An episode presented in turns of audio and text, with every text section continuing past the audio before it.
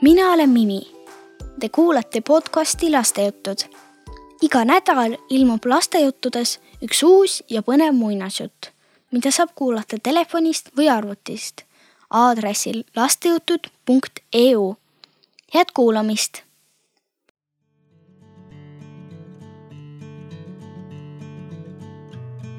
täna jutustan ma teile loo targast rätsepast. see on ka üks vendade Krimmide muinasjutt. Lugu targast rätsepast. oli kord väga kõrg printsess. tuli talle mõni kosilane, andis ta sellele kohe mõistatuse lahendada. ei saanud kosilane lahendamisega hakkama, saadeti ta pilgates minema. printsess laskis teatavaks teha et ta abiellub sellega, kes ta mõistatuse ära arvab. katsetada võis igaüks.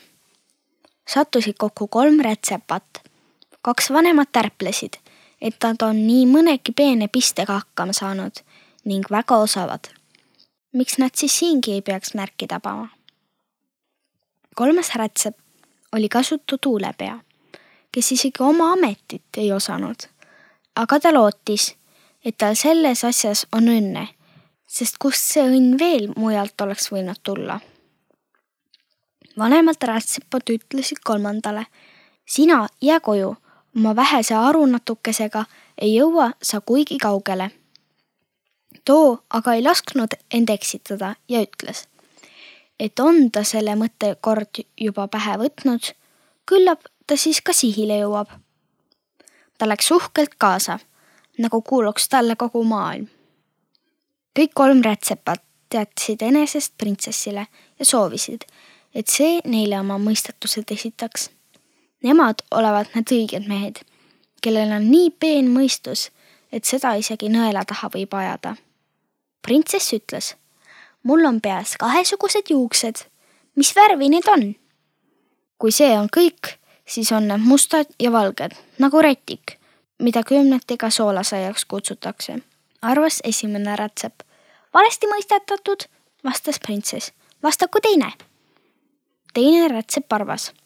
Kui pole mustad ja valged, siis on pruunid ja punased, nagu mu isa pidukuub. valesti mõistetatud, vastas printsess. vastaku kolmas. paistab, et tema teab seda kindlasti. edevalt astus ette kolmas rätsep ja ütles printsessil on peas hõbedased ja kuldsed juuksed Need on need kaks värvi. kui printsess seda kuulis, kahvatas ta ehmatusest ja pidi peaaegu pikali kukkuma, sest rätsep oli õieti arvanud. ometi oli printsess kindel olnud, et ükski inimene maa peal seda ära ei suuda arvata. kui printsess toibus, ütles ta. sellega pole sa mind veel võitnud, pead veel midagi tegema.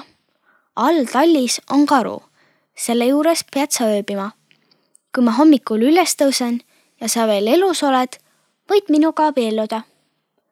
Nii lootis ta rätsepast lahti saada, sest karu polnud veel ühtegi inimest ellu jätnud, kes ta käppade vahele oli sattunud. rätsep ei lasknud ennast hirmutada. ta oli üsna heas tujus ja ütles julge pealehakkamine on pool võitu õhtul viidi rätsep alla karu juurde.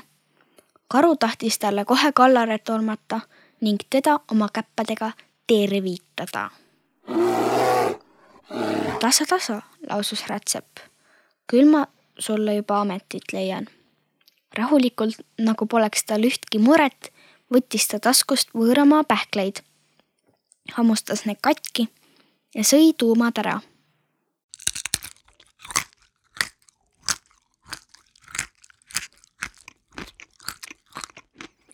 kui karu seda nägi, tuli temalgi isupähkleid krõbistada. rätsep võttis taskust peotäie ja ulatas karule.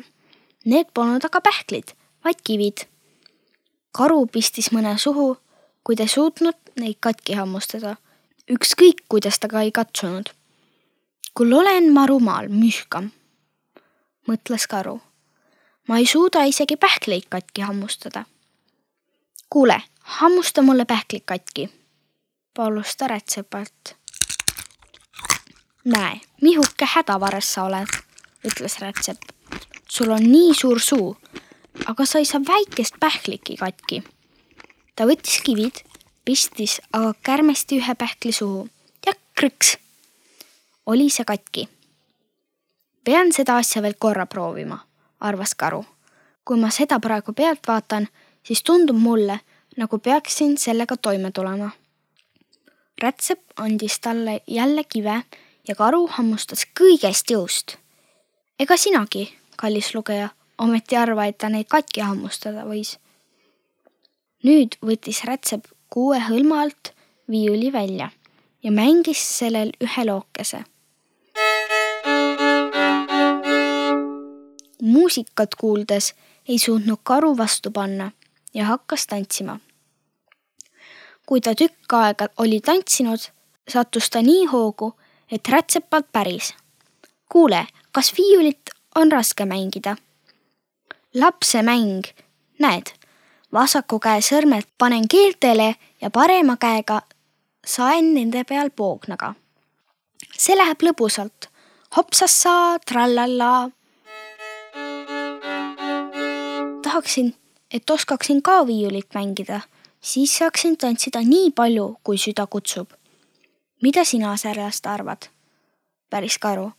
kas sa ei tahaks mind õpetada?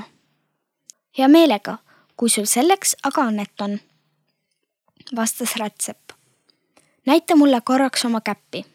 oi, sul on kole pikad küüned. ma pean need veidi lühemaks lõikama. ta tõi kruustangid, karu pani oma käpa nende vahele. Rätsep keeras kruustangid kõvasti kinni ja ütles. oota mind, kuni ma kääridega tulen. ta heitis nurka õlekoole ja jäi magama karu võis mõmiseda nii palju, kui tahtis. kui printsess õhtul karu mõmisemas kuulis, arvas ta, et mesikäpp on rätsepale lõpu peale teinud ja mõmiseb rõõmu pärast. Hommikul tõusis ta muretult ja lõbusana. kui ta aga aknast talli poole vaatas, nägi ta talli ees rätsepat seismas, rõõmus ja terve nagu kala vees printsessil tuli nüüd rätsepaga abielluda, sest ta oli seda avalikult lubanud. kuningas laskiski tõlla, milles tütar pidi rätsepaga kirikusse laulatusele sõitma, treppi saata. Niipea, kui nad tõlda olid istunud, lasksid teised rätsepad karu vabaks. Nad olid kadedad ega võinud näha, et noorim rätsep õnnelikuks saab. hirmsas vihas tormas karu tõllale järele. printsess kuulis ähkmist ja mõmisemist ning tal hakkas hirm. karu jookseb meile järele ja tahab sind kätte saada, hüüdis ta. rätsep oli kärmas, kasvatas tiritamme, sirutas jalad aknast välja ja hüüdis. näed sa kruustange, kui sa kohe minema ei lähe, satud jälle nende vahele. seda nähes pööras karu ümber ja pani plehku rätsep sõitis rahulikult kirikusse. ta laulatati printsessiga ning ta elas temaga õnnelikult nagu nõmmelööke. kes seda lugu ei usu, maksab ühe taalri. See oli siis lugu targast rätsepast. kas ta oli rohkem tark või lihtsalt kaval? igal juhul sai ta seda, mida ta tahtis. see on ju tore aitäh, et kuulasite podcasti Lastejutud. kohtumiseni juba järgmisel nädalal